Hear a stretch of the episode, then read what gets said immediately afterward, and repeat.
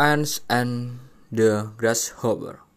During the summer in a forest there lived an ant was very diligent and working on wheel on a trap to gather food for the winter. The ant met a grasshopper who was very lazy. To what extent is the ant more diligent in working?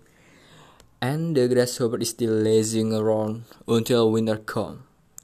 The ant will have a lot of food supply, can stay at home comfortably. Will the grasshopper start to worry because their food has run out? The grasshopper then asked the ant for help.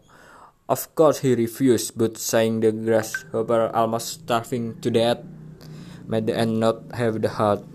He then helped the grasshopper.